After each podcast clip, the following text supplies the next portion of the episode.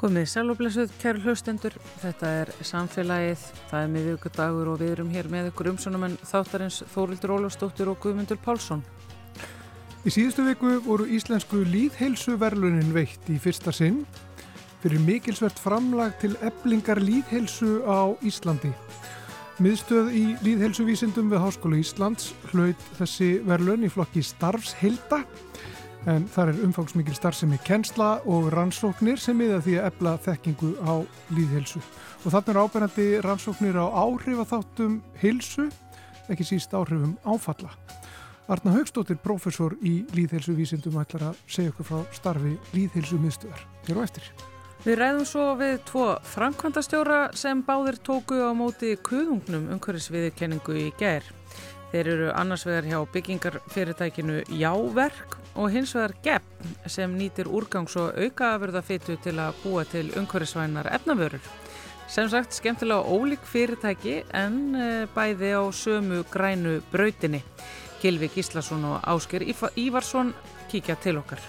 Margir velunahafar í samfélaginu í dag. Já, það er svolítið þannig. Svo fáum við málfarsmínútu og í lokþáttar kemur Edda Olgudóttir til okkar sem ætti að fá velun en hún er ekki hérna vegna þess að hún var að taka við velunum en hún ætti að fá þau. Hún sést hjá okkur hérna eftir og uh, fer yfir já, nýjar rannsóknir, uh, nýjar vísitaransóknir eins og alltaf á miðgutugum.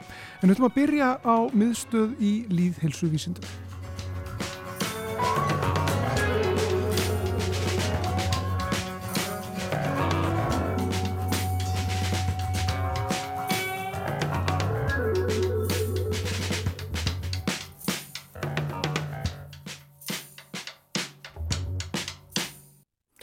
Arna Haugstóttir, professor er sest í ákur og ert velkominn til okkar. Takk kærlega fyrir.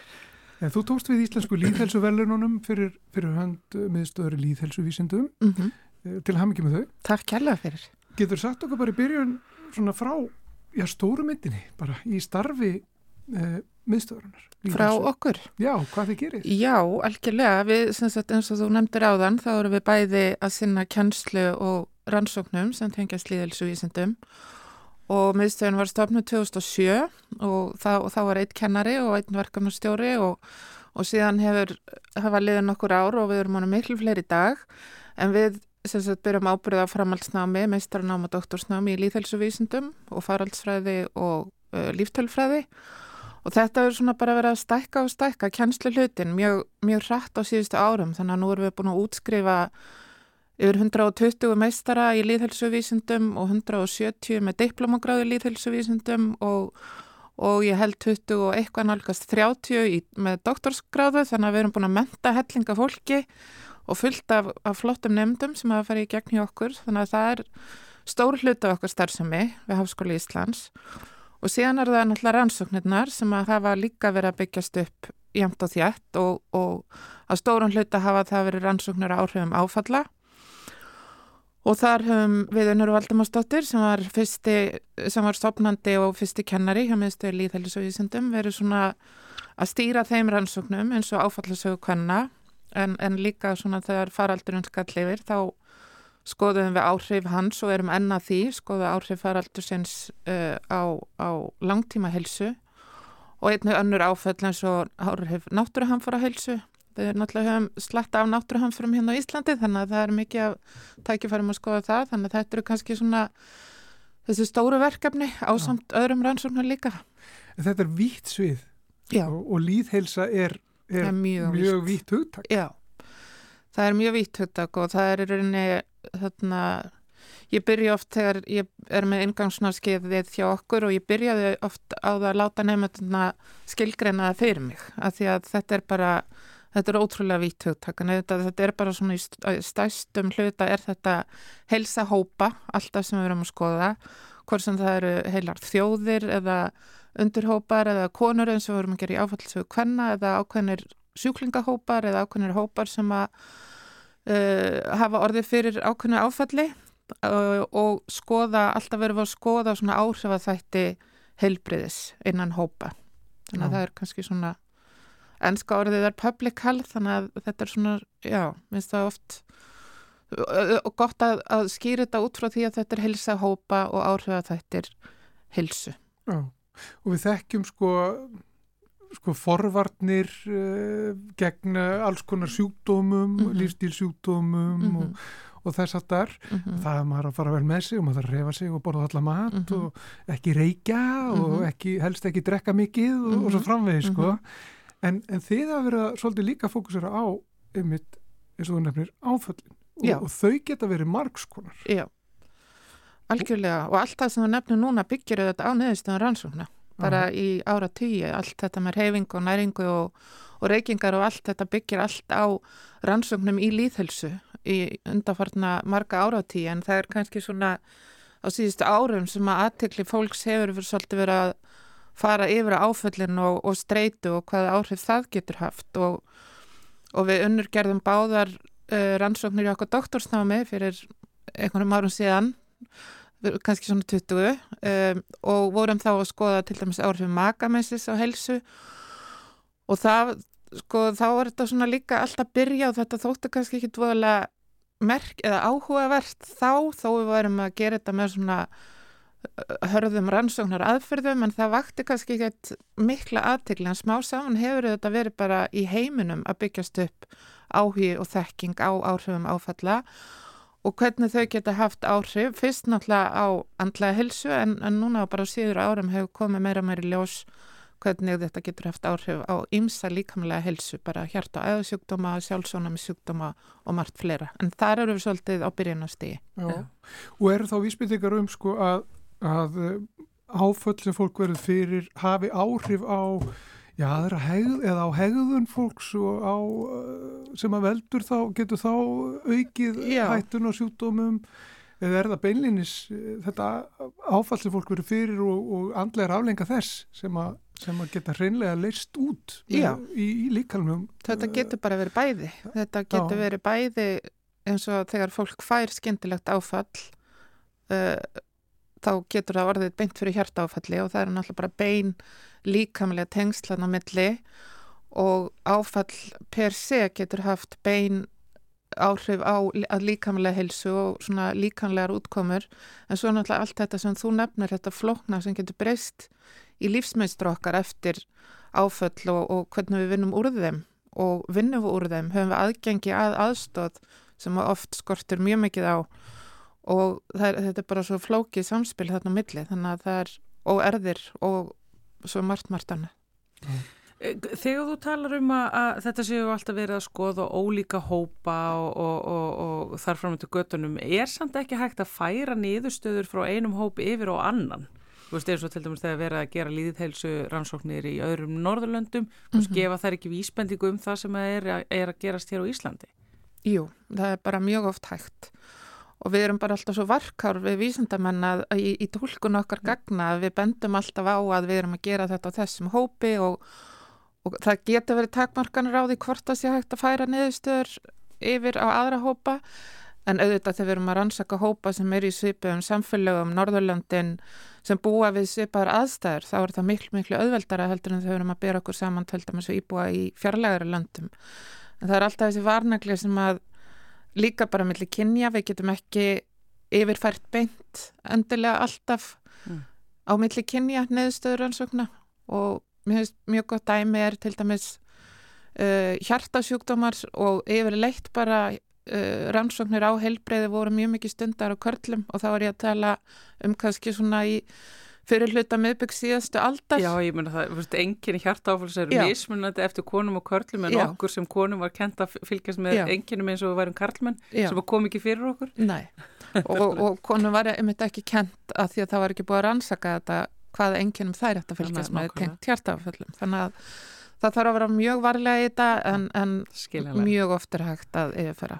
En þá sko að það sem er mér langa að leiða að er, er ekki doldið eh, gott einmitt að stunda rannsóknar sem þessar hér á Íslandi af því að maður hefur stundum heyrta að, að hér sé gott svar hlutfall og góð og mikil hreinskilni og, og svona híslitika séu nú svona frekar með allt sett upp á borðum af því að þið eru að spyrja eins og til dæmis þið eru að tala um áfalla rannsóknirnar mm -hmm. af mjög persónulegum og erfiðum spurningum.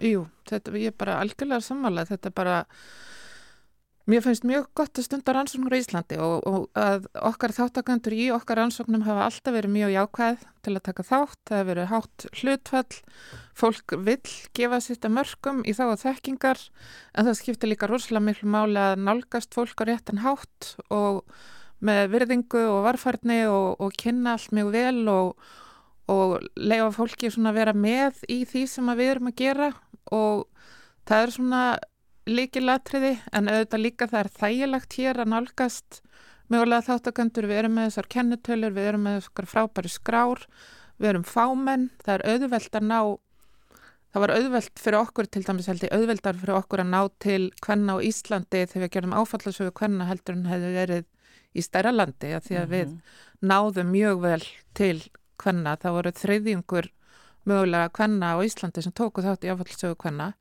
og ég held náttúrulega þessi smæð og samfélagsgerð og bara já það er svolítið svona standa saman svolítið líka já, sko.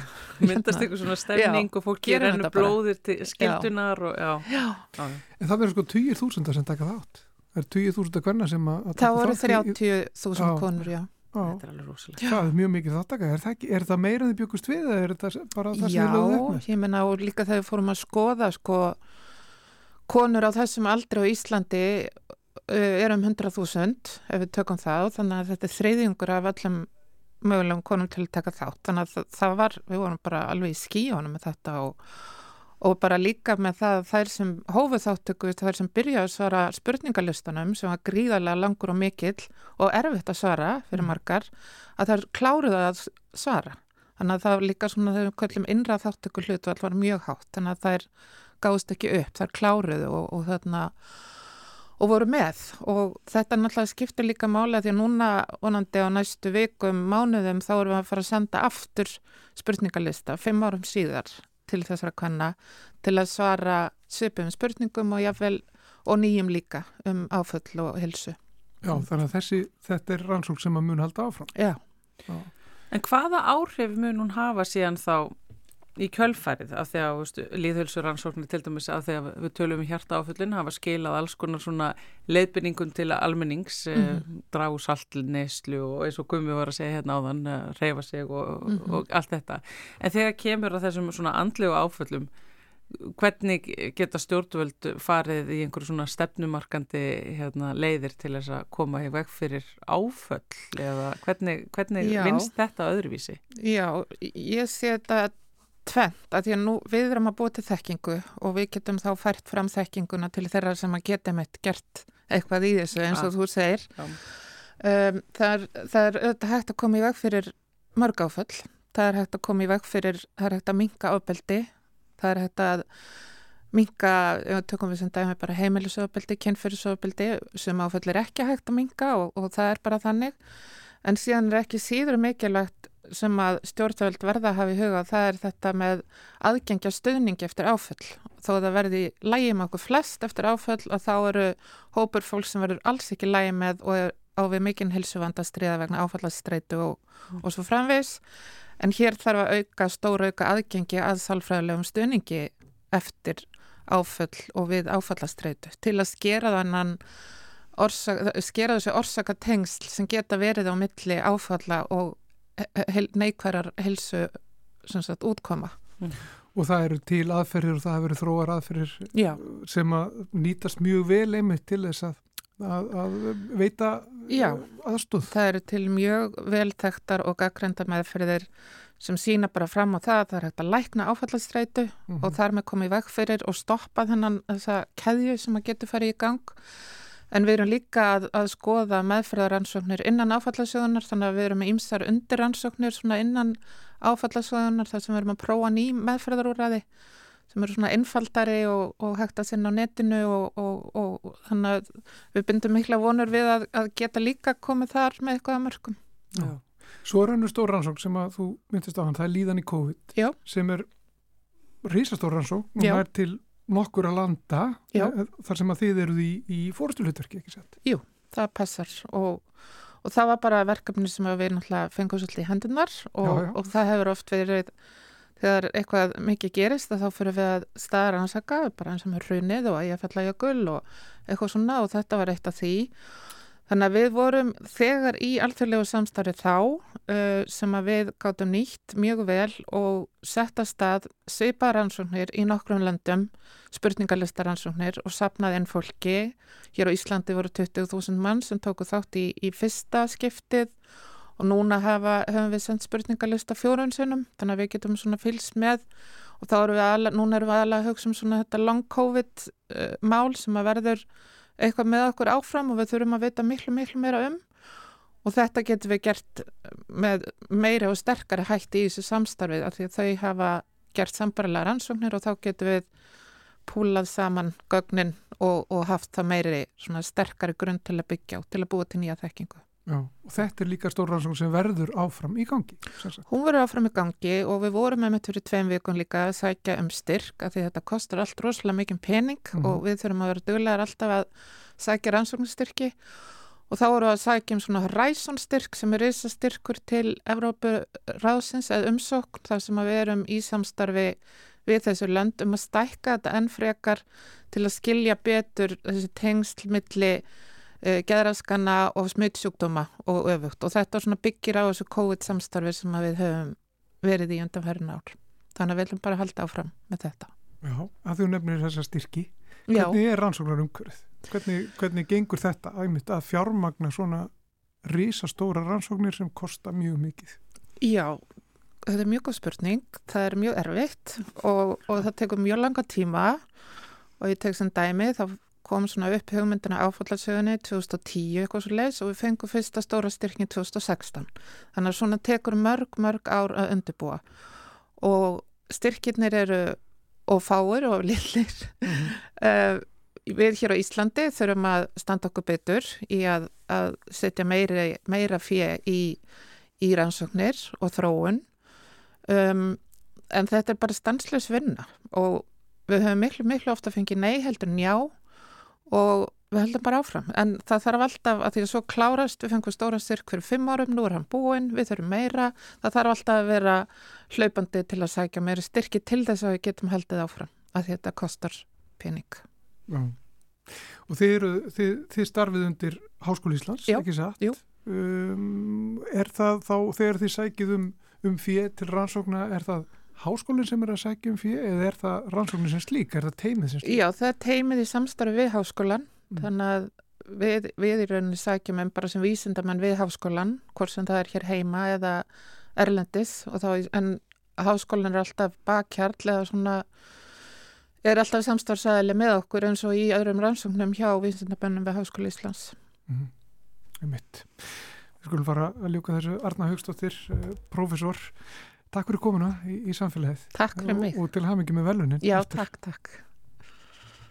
This is my island in the sun Where my people have toiled since time begun I may sail on many a sea Her shores will always be home to me O island in the sun, will to me by my father's hand. All my days I will sing in praise of your forest waters, your shining sun.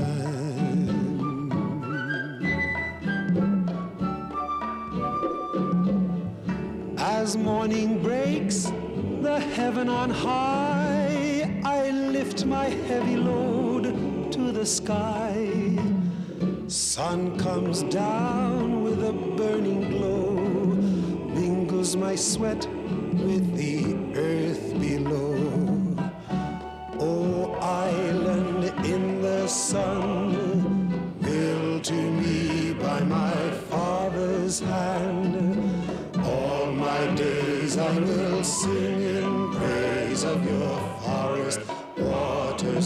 Shining sun.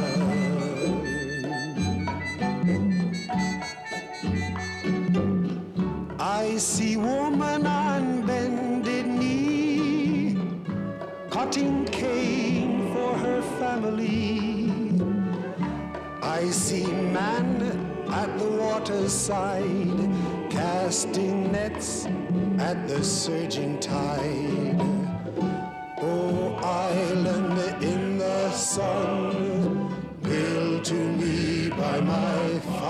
Father's hand. All my days I will sing in praise of your forest waters, your shining sun.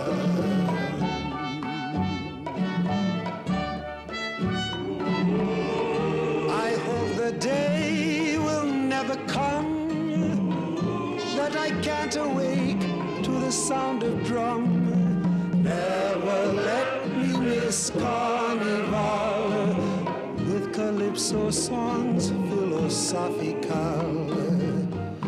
Oh, island in the sun, built to me by my father's hand.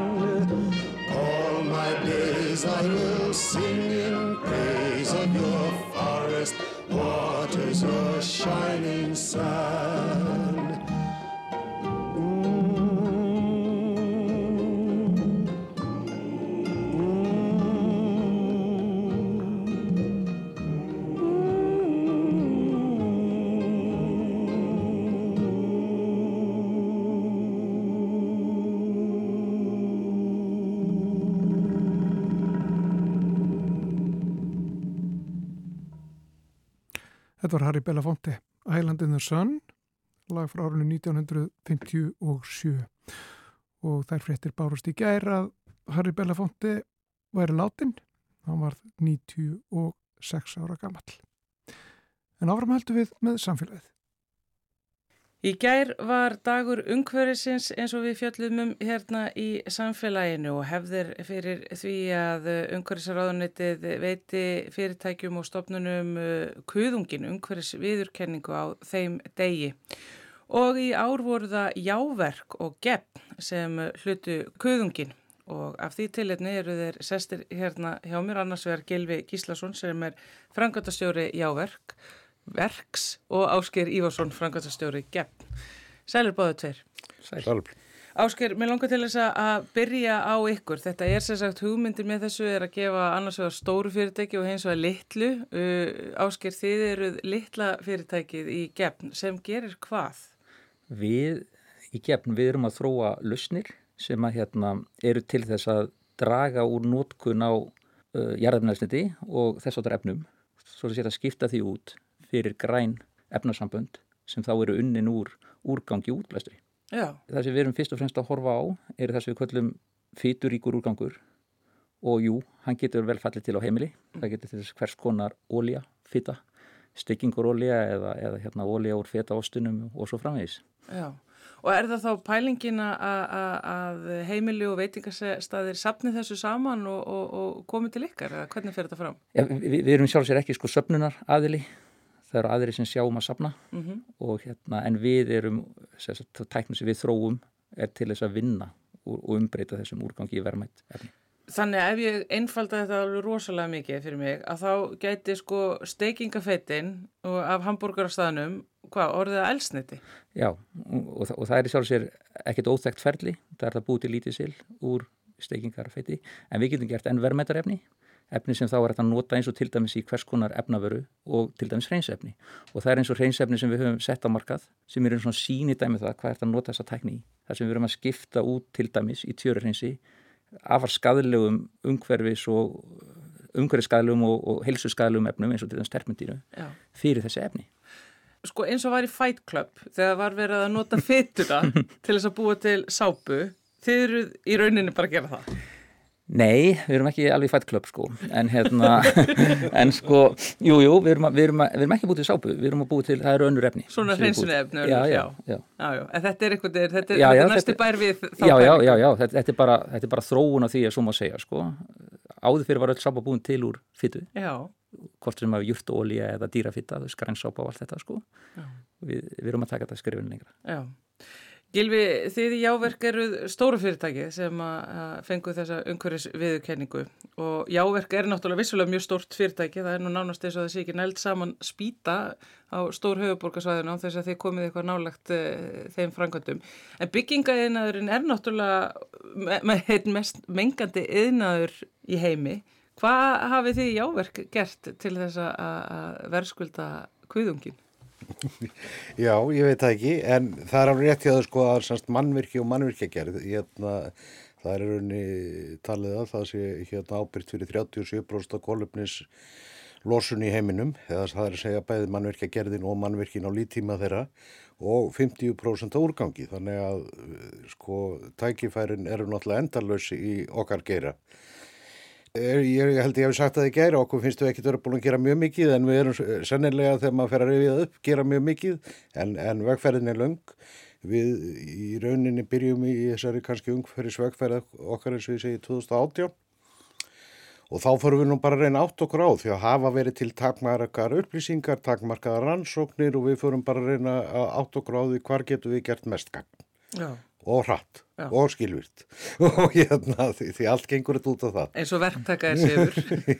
Já, ég held að skilvirkni sé vannmetinn sko, það er hérna en e, það náttúrulega gekk á að verða okkur út um upplýsingar þannig við byrjum því að, að hérna reikna kolumnisborðið okkur, fengum fyrirtæki Grímfó með okkur í þávegferð e, til að greina hvar, hvar er okkar kolumnisbor Já fyrst og fremst og síðan reynda kom svo síðar út skýslaðar sem var greindur íslenskur bygginga einaður í því sko og það er svona nokkuð samhljóða þó að við fengum örlítið ólíkar niðurstöður en það segir okkur rauninni það að byggingarefnin þau er að talja, hérna, telja 45% af losun okkar. Á meðan vinnustadurinn eins og við kollum það er að segja bílar, tæki reksturinn, hann er hérna já, úr, úr þessar íslensku skýslu 13% við, við fengum þetta neðar hjá okkur. Já. skiptir ekki málið þetta er stóramyndin og þá er náttúrulega auðljóst að þú byrjar að reyna að ráðast á stórasúluna sko. byggingarefnin allan daginn. Já, og, hérna, og hefur kannski verið allt og lítið í umræðunni í orkuskiptum. Ég menna hvað við getum gert með einföldum hætti orkuskiptin taka lengri tíma. Já Þannig að við, við byrjuðum auðvitað að reyna að ráðast á stórusúluna og, og það kannski, og þá hvað er stæst í stórusúlinni og þar kemur ljósa sement eða steipa er talin vera hérna, ábyrg fyrir 7-8% í hérna, golfinislóðsunar og ef við setjum það í samengi það er svona, að því það er oft talaðum flugið, þá talaðum flugið 7 millir 4 og 5 Steipan er stór.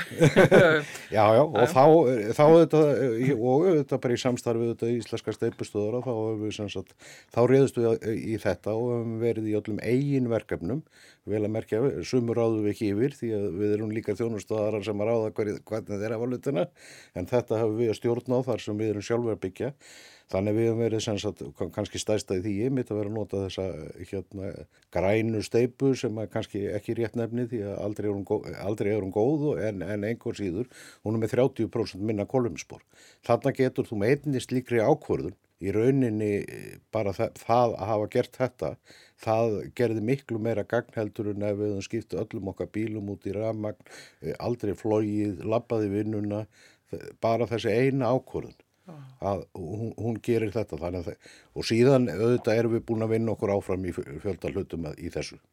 Sko þið eruð í alveg reysa stórum verkum núna er það ekki, þið eru út á gróttu og, og, og viðar í, í bænum og eruð þið þá sem sagt að setja þetta inn í þær byggingar. Veist, það sem bara almenningur er að sjá rýsa fyrir augunum á sig Já, semst, öll okkar eigin verkefni við þurfum svolítið að skipta þessu þar því að þar ráðu við yfir hönnunni og byggingunni svolítið, hérna við hefum gefið það út að allar okkar sem við, íbúður sem við munum framleiða fyrir eigin reikning og stjórn á að við ætlum að hafa þær svansvotaðar og þetta, þetta er hérna ángin af því og við erum reyndar alltaf að reyna að ganga lengra en þær gröfur sem til okkar er gerður en já, þar erum við að nota það og Já, við erum í, í fjórum stórum eigin íbúðaverkum núna, þú nefndi Gróttu og Kópavogi á Dyraneshæð og Selfossi og hverjargerði og við semst erum að nota þessa steipu og, og reyndar stefnum í að, eða, já, við erum að uppfylla kröfur svansist þess og vonandi verða það svansótaði þegar við erum búin. Sko nú er enginn hagfræðingur, er með skilsamt að það vera með svansótaðar íbúður bara upp á framtíðin að gera sér bara ágætis fjárfæsting þegar framliður. Við trúum því og hérna við reyndar trúa því um, um tíma. Þetta var það eitt að hérna valinu hjá okkur það er til fullt af umhverjusvottunarkerfum. Svanin völdu við, það er norrandmerki sem en kannski þekkja einhverju leiti. Okkur fannst það einfaldast hérna eða einfaldast að því leitin og við vorum að byggja þekkingun upp í okkur, inni hjá okkur, hún, hún var í því. En svansvottunin það er alltaf margt fleira sem fælst í henni sko og hérna í rauninni við horfum svolítið á umhverfismál líka sem gæðamál sko. Já, já.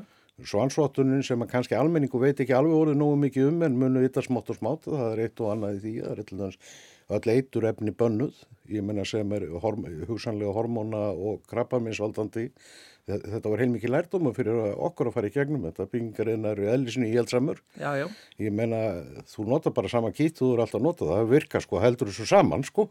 En í því eru þá bara einhver efni sem þú hafður ekki um um og það eru þetta okkur lærdóma, það var til alveg ekki gott efni en það var bara ekki með þessum eiturefnum en þú bara hafður aldrei notað það. Og þetta eru þetta einhver lærdómur sem við fórum í gegnum og, og með okkar byrgjum Nú, orkunótkun ætti að verða minni í þessum hérna svansóttuðum íbúðum, það eru hérna, það er svo kallar varma skipta kerfi í þeim, Já.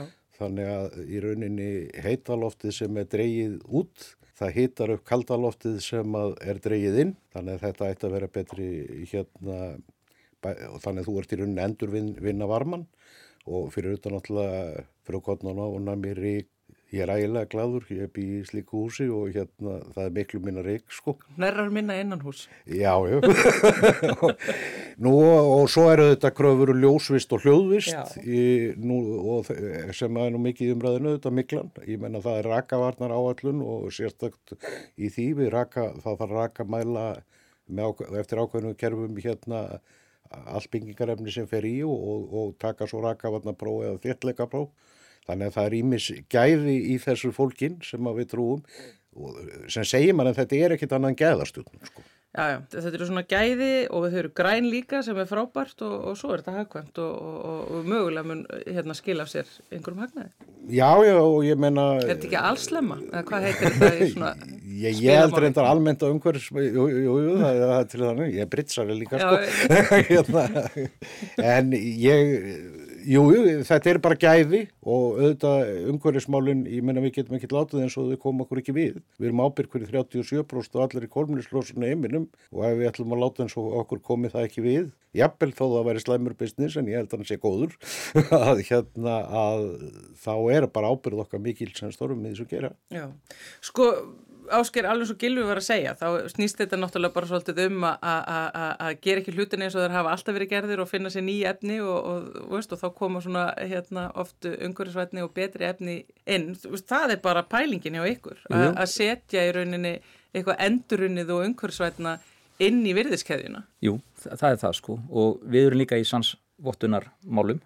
Þessi öll okkar efni þessi hreinsefni sem við höfum verið að setja á marka þau eru öll svansvottuð og í rauninni allt sem við þróum byggjar bara á hugmyndafræðisvansis alveg frá grunni í, í ferlinu og eins og Gili var að segja þetta er náttúrulega sko, sko er þetta hagkvæmt? Jú, við trúum því líka þetta sé hagkvæmt og það er nefnilega þannig að varðandi nótkunna á þessum efnum sem að menn er að nota í dag þessi efnum sem við getum bara hreinlega sagt að eru ekki umhverfisvænu eru skafileg að ef allir kostnaður að nótkunni þeirra væri reiknaður inn og fólk væri að meðhöndla það eins og á að gera og það er alls ekki verið að gera það kannski alltaf sko, bæði í fyrirtækjum annar staðar þá væri það því hellins kostnaðu sko. og svo bara ótalinn kostnaðu náttúrulega bara hvað er langtíma áhrif og umhverf og heilsu fólk sko, já, já. sem er ekki talinn inn sko.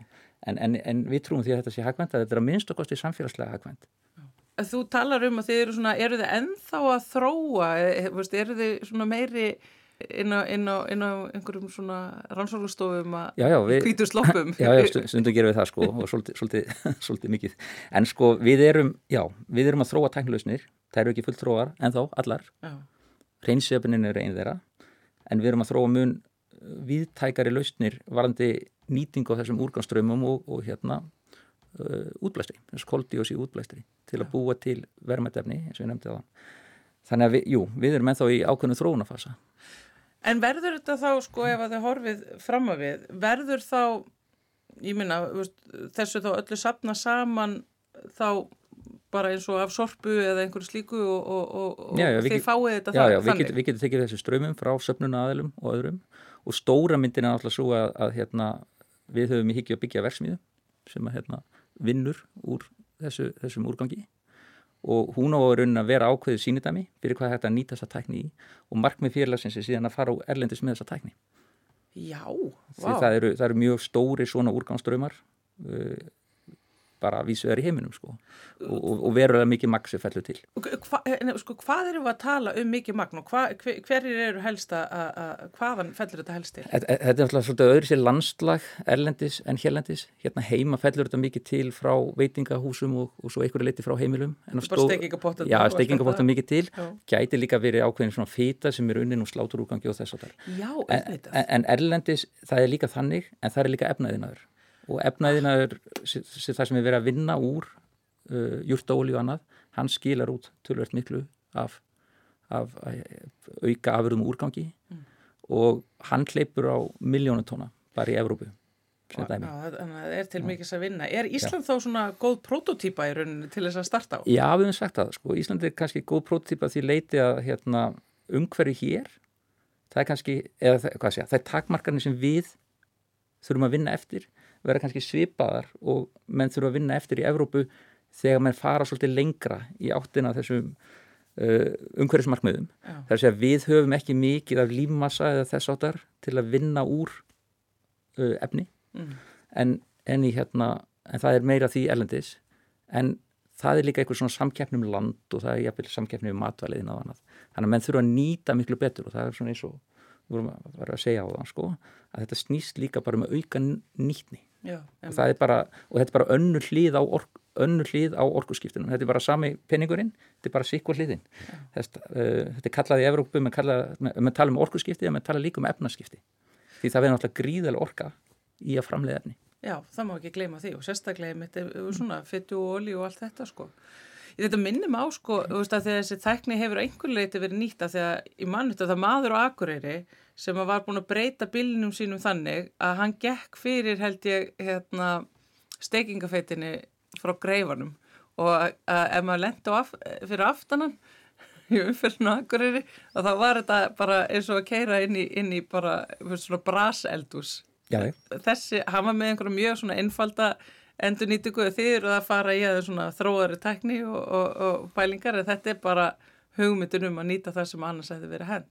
Já, já, þetta er bara þessi ringgrásar hækkerfis hugsun já. sem í rauninni það sem við þurfum að, að horfa miklu meira og þarf að í rauninni bara reynlega að innleiða og bara einn mikilvægsti þátturinn í þessu lofslags uh, breytinga umræðu sko, eða, eða losan og grósalóttegundin. Það er bara mjög mikilvægur þáttur, ekkert síður en orkuskipti. Já, já, og alveg eins og þú sagðir, þetta er líka náttúrulega rosalega mikið álag á innviði að þetta fari í rángan farveg. Ég menna það eru til einhver fytu skrýmsli í holræsakerfum, til dæmis lunduna sem er á starfið hérna rauðu strætóna þeirra, já, sem já. er bara eitthvað sem að fólk hefur bara styrta niður í, í, í hérna niðurföldu. Já, já, og meðhundun og úrgangi síðan er, er ábyrg fyrir bara tölverðir losun, sko. Ég er ekki alveg með tölun kollinu, eitthvað stofbíl 89% af til dæmis þeirri losun sem er á á sagt, ábyrði Íslenska ríkisins sko. Já Þetta er náttúrulega, þetta er svona skemmtilega sko ólík fyrirtæki sem að þetta stóru og litla fyrirtæki sem að fær kvöðunginni eh, ár uh, sko Áskur, þú ert náttúrulega, veist, ert að þróa og horfa til framtíðar og ert að vinna áfram með tækni,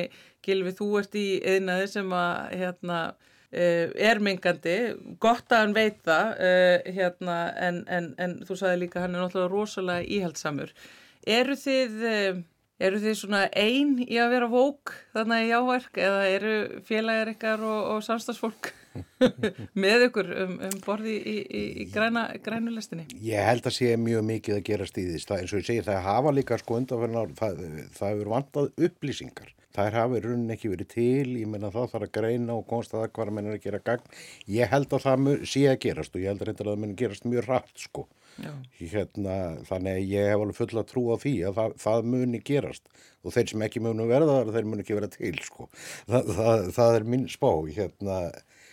en þú segir ólík það er samt mjög margt líkt og samhljóðumur sem ég menna um leiðu þú ferða að tala um ég menna úrgang þar kemur auðvitað er ímis hérna samhljóðumur ég menna byggingareinan vissulega eða mannverkja gerðin ábyrg fyrir 50% öllum úrgangi.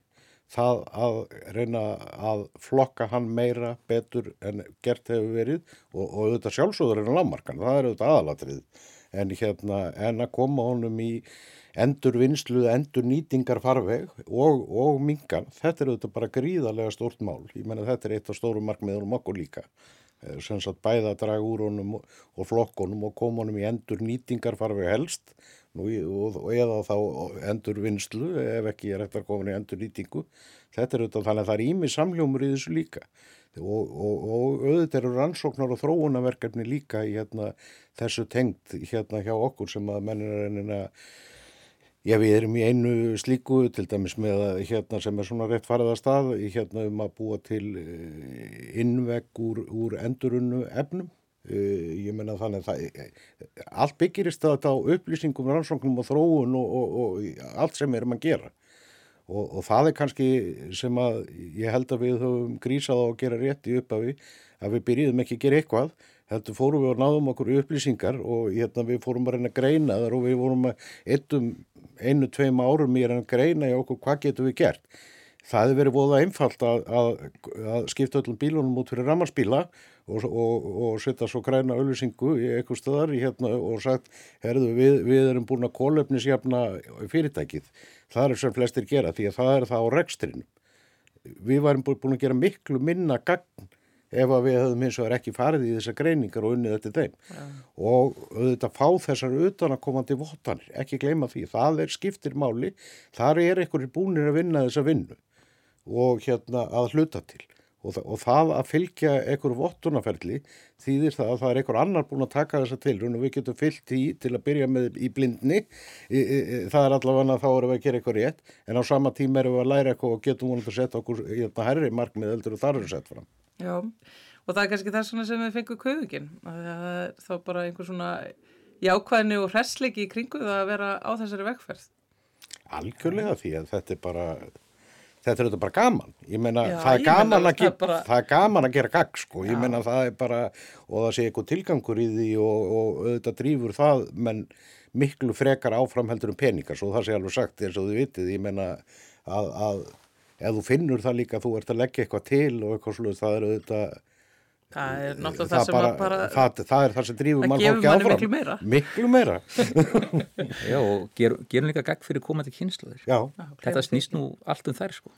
Það verður spennandi að fylgjast með ykkur já, báðum þessum litla fyrirtækinu, gefn og uh, stóra fyrirtækinu Jáverk sem að fengu kvöðungin umhverfis viðkenningu og degi umhverfis þessi gær Tókuð til bara næst ætla ég að þá að segja hér í samfélaginu. Gilvi Gíslason, frangatastjóri Jáverk og Ásker Ívarsson, frangatastjóri GEF.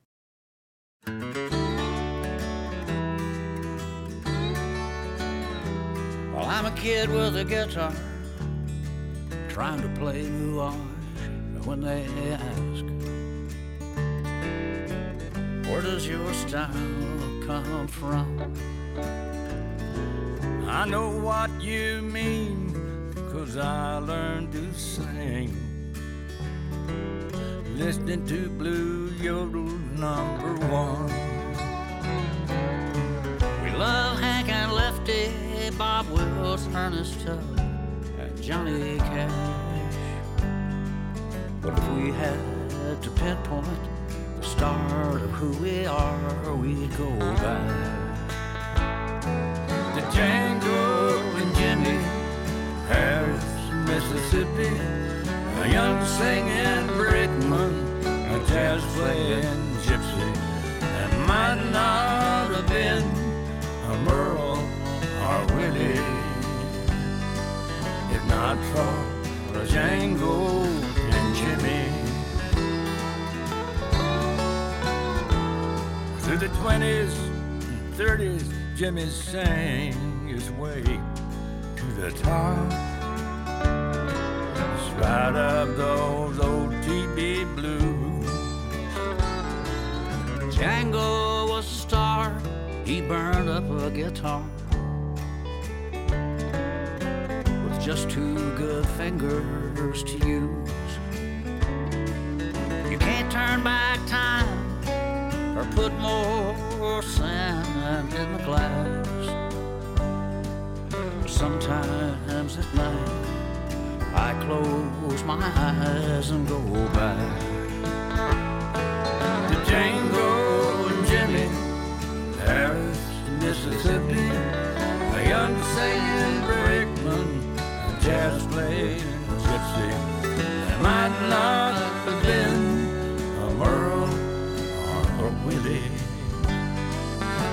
for Django and Jimmy.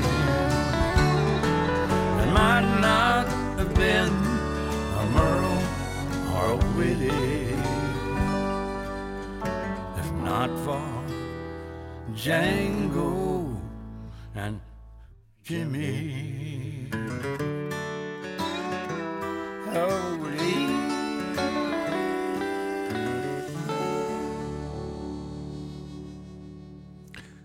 Merle Haggard og Willie Nelson, Django and Jimmy heitir þetta lag. Þetta Olgudóttir er komið til okkar í sitt reglulega vísinda spjall en áður en við gefum hennu orðið þá ætlum við að heyra eina málfarsminútu.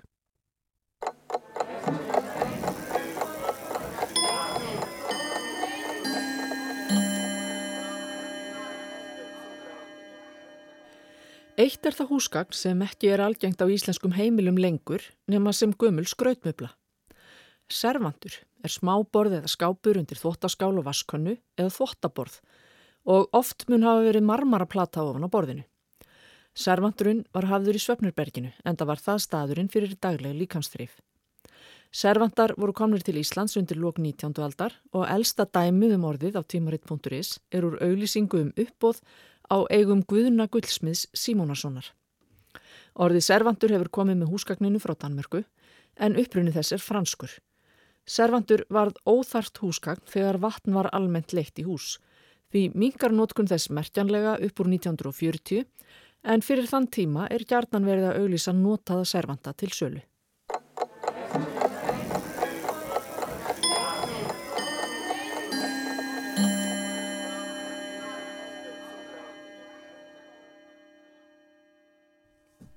Það var Anna Sýrur Þránstóttir sem fara okkur málfarsminútuna. Og þá komið það Eddu Olgudóttur með vísendaspjallið. Sælurstu þetta? Sælverði. Þú ert uh, með rannsók sem að tengist uh, Alzheimer's. Já, eða svona Alzheimer's og annars konar vitrænum glöpum, ef við getum sagt það svo leiðist. Það er hérna, vegna þess að Alzheimer's er náttúrulega kannski svo byrtingamind sem við þekkjum best af því þegar að fólk fer að að missa sína vitrænu getu mm -hmm. en svo eru til aðrar byrtingamindir af því og hérna við töluðum um, ég held að hafi verið bara hérna fyrir vetur, að þá töluðum við um rannsók þar sem að var verið að, að skoða hvað áhrif hérna herpesveira sem veldur frunsu mm -hmm. og hérna hlaupabóluveiran uh, geta haft á að, að kveikja á Alzheimer's. Já. Þar var verið að sína fram á sem sagt hérna við vorum með þetta í frumurækt og, og síndu fram á þegar að þessir vírusar koma valda síkingu að þá getur það valdi þessum hérna beta-amyloid skellum sem eru svo enkenandi fyrir e, Alzheimer sjúkdóminn. Það er að segja að þegar að beta-amyloid prótínið hérna fellur út í heilanum og, og veldur mynda svona skellur sem að valda þá bara því að, að taugakerfi virkar ekki eins og það á að virka. Og þetta er bara eina af mjög mörgum rannsóknum sem að sína fram á að veirusíkingar er að hafa einhvers konar hérna, áhrif á taugakerfið og það eru einhver tengsl hérna á milli, einhvers konar hérna, síkingar og svo bara áhrif, neikvæð áhrif á taugakerfið. Og annað um þetta sem við rættum líka að ég held í vetur, það var hérna Epstein-Barr vírusin uh, sem að veldur hérna einkerningssótt og er mjög algengur, hann veldur ekki alltaf einkerningssótt, við getum hafa smitast af honum þó við höfum ekki fengið hérna sóttina sjálfa og hann er mjög algengur en hann verðist vera að tryggjara hérna MS sjúkdómin, að þar er einhver kveikja og oftast er það þannig að þú þarfst að vera með einhverja einhvern erðabreitileika sem að sko þann sem gerir eiginlega veikan fyrir. Þannig að þessar hérna, veirusíkingar geta svo verið að setja stað einhvers konar svona höfrungarhlaup sem að veldur því að sjúkdómurinn kemur fram. Mér finnst þetta mjög óhugnulegt og hefur verið að segja frá rannsóknum sem eru þarna. Veist, eitthvað, veist, eins og frunsa geti bara orðið að Alzheimer's. Einmitt. Veist, það er einfaldir þetta rosa, rosa mikið. Já, en það er ná, nákvæmlega máli vegna þess að þetta eru hérna, mjög algengar veirur og það er mjög algengt að, að fólk hefur hérna, smitast af þessu eða er með þetta í líkamannum og í raun og veru ofbúslega lítið sem við getum gert í því vegna þess að eins og frunsa, frunsuveira það er ekki til neinn hérna, bólusetning við því. Mm. ekki eins og er allavega. Og það, þetta eru bara svona hérna, bara vaksandi af rannsóknum þar sem er verið að sína fram á þessa fylgni. Og núna var verið að byrta rannsók sem er unnin á hérna, í háskóla í bandaríkjunum þar sem þau eru að skoða hérna gagnasett úr fólki sem eru á aldrinum 41 til 91 árs minni mig. Og þau sem sagt gefa blóðsíni og fara í svona e, próf þar sem er verið að prófa þeirra vitrænu getu. Og þessi, hérna, þessum upplýsingum var sapnað árið 2003 til 2004 og þetta er bara risastórt gagnasett sem hefur verið sapnað sko í gegnum árin, ég held að hérna, fyrsta gagnasetti var hérna, tekið 1981 og svo er alltaf bara verið að bæta þarna í. Þannig að þetta er rosalega stórt gagnasett en þau eru með þarna undir 560 einstaklinga, eitthvað svo leiðis og svo skoða þau þau eru að leita að sagt, mótefnum í blóði fyrir fimm mismunandi síklum og þar að veru fjórar veirur sem eru af herpesættinni það er hérna herpesveiran sem veldur frunsu og svo er hérna herpesveira sem að, hérna, veldur hlaupabólu þetta er bara ætt sem heitir herpes þó þetta sé ekki allt saman þessi, hérna, Nei, já, já. það sem okkur dettur fyrst í hug sko. svo er það Epstein-Barr vírusinn Uh, og svo er það cytomegalovirus og það er hérna vírus sem er bara mjög algengur og er svona, maður heyrir helst af honum í, í tengslum við hérna, meðgöngu, að konur þurfa að passa sig á þessum vírus uh, á meðgöngu vegna þess að hann getur valdið heyrnaskerðingu hjá fóstrum ef ja. þau smitast af vírusnum og svo skoðuðu líka mótefni við toxoplasma gondi sem er ekki veira heldur hérna bara sníkjudýr, pínu pínu lítill innfrumungur eða eitthvað svo leiðis og uh, það er eitthvað sem við höfum kannski heyrt talað um þegar við erum að tala um innflutning á erlendum matvælum vegna þess að þetta getur smitast í gegnum sem sagt vaneldað vaneldu matvæli, vanelda kjött en svo er fólk líka að smitast af þessu í gegnum sko hérna dýrasaur. Eða kemst einhvern veginn eins og til dæmis bara börn sem er að leika sér í sandkassa og þar er einhver köttur sem hefur verið að gera stikinn sín þar Já. og þau fara svo að hérna bóri nefið og allt þetta. Um, og þau sem skoða mótefni gegn þessum fimm uh, síklum og sjá, eru semst að meta það hvort það séu meiri líkur á því að fólk myndi einhvers konar vitglöp eftir því sem, fleiri, eftir því sem fleiri síkingar hafa komið til sögunar Já. og þetta eru allt saman veirur eða síklar sem að yfirleitt við hérna kynnumst mjög snemma á æfinni eins og til dæmis herpesveira, frunsuveira, það er hérna þegar maður er komin hérna Þú veist, þegar, ef þú, þegar komin uh, uh, orðin færtug þá ertu líklega búin að hitta þessa veiru. Já, já. og hérna... Kjæmstilega bara ekki tjá því. Það er rosa ólíklegt, en hérna þú myndur að hitta hana aftur en þú er bara búin að hitta hana fyrst. Já. Þannig að það, þessi fyrstu kynni gerast oft mjög snemma á lífsleðinni og maður þekki það til dæmis líka með hlaupabóluna.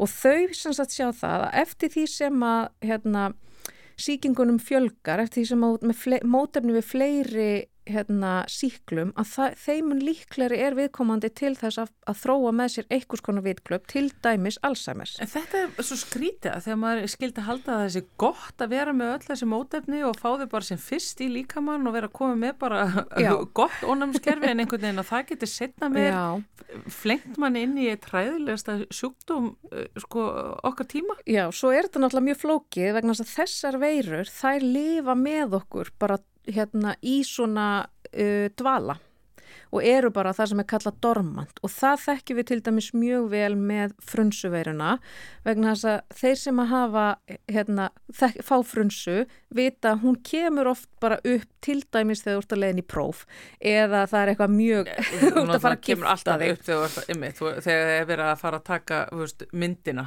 Já, veist, í, einmitt, nákvæmlega. Þegar er eitthvað stress í gangi það eitthvað stórkoslegt og það er nefnilega vegna þess að ónæmiskerfið það veikist aðeins við þessa streitu sem við verðum fyrir og samahátt að þá veikist ónæmiskerfið eftir því sem við eldumst.